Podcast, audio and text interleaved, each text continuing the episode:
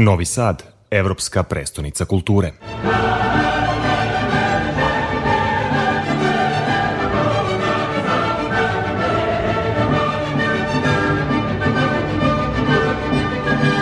Da krenemo od ovog poslednjeg priznanja koje nosi naziv glumice i nekadašnje grčke ministarke kulture koja se smatra i najzaslužnijom za pokretanje projekta Evropska predstavnica kulture Meline Merkuri. U izveštaju stručnjaci Evropske komisije su istakli da je Novi Sad za ovu nagradu kandidovao značajan broj međunarodnih saradnje ostvarenih u okviru projekta predstavnice kulture i izuzetan trud za razvoj publike.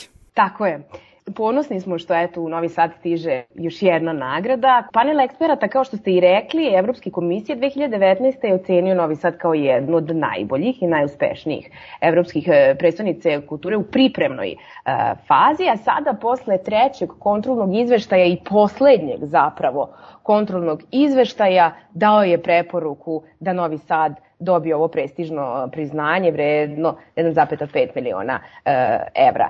E, time je zapravo Novi Sad, dakle nagradom Melina Merkuri i nagradom za najbolji evropski trend brend u oblasti kulture, Novi Sad postao jedina evropska predstavnica kulture do sada sa dve prestižne evropske nagrade i to pre titularne godine. Kroz pozitivne ocene tri različita žirija evropskih eksperata, Novi Sad je u prethodnih pet godina potvrdio svoj kvalitet u uključivanju lokalne sceni građana, razvoju i međusobnom povezivanju ustanova kulture i van institucionalne scene.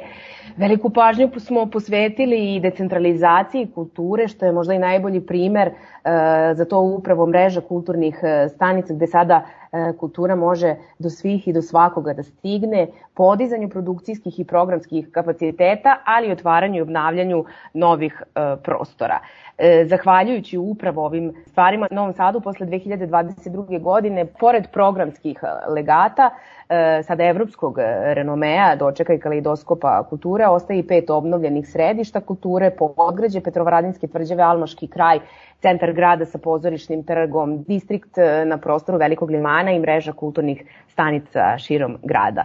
Ono što moram da dodam e, kada je reč o evropskim panelistima, zapravo dali su nam pozitivnu ocenu i kada su u pitanju predlozi za dalji razvoj jeste samo da se nastavi sa započetim. Dakle, da sve ove legate koje smo gradili do sada nastavimo da negujemo i da gradimo i u godini titule kao i poslednje. Novi Sad je takođe postao i prvi grad u ovom delu Evrope koji je ponao nagradu za najbolji evropski trend brand u oblasti kulture i to u žestokoj konkurenciji od 110 organizacija, institucija i kulturnih ustanova iz celog sveta. Kako se navodi u obrazloženju, nagrada je rezultat novih kulturnih brendova koji su temeljeni prethodnih godina u Novom Sadu. Ta nagrada novosađanima i novosađankama stigla je zbog brenda Doček, E, zbog brenda Kaleidoskop kulture i mreže kulturnih e, stanica.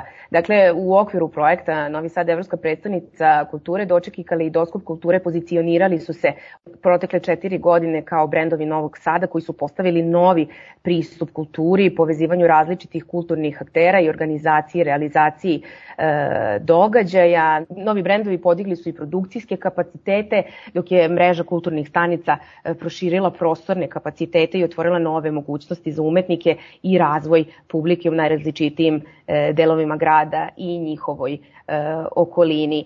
I zapravo do sada su dobitnici e, bili sve zemlje iz zapadne Evrope, odnosno gradovi iz zapadne Evrope poput Pariza, Minhena, Berlina, Osla i drugih i sada E, zahvaljujući Novom Sadu, naša zemlja se našla u društvu četiri zapadnoevropske zemlje koje su, od kako se nagrade dodeljuju, imali svoje predstavnike među dobitnicima, to su Nemačka, Francuska, Italija i Norveška.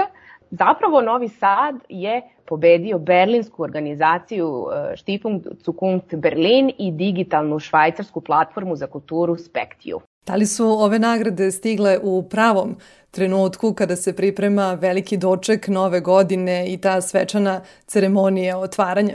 Prvo stigle su u pravom trenutku, a potom stigle su i pre godine titule i zapravo to je ono e, što moram najviše da, da naglasim.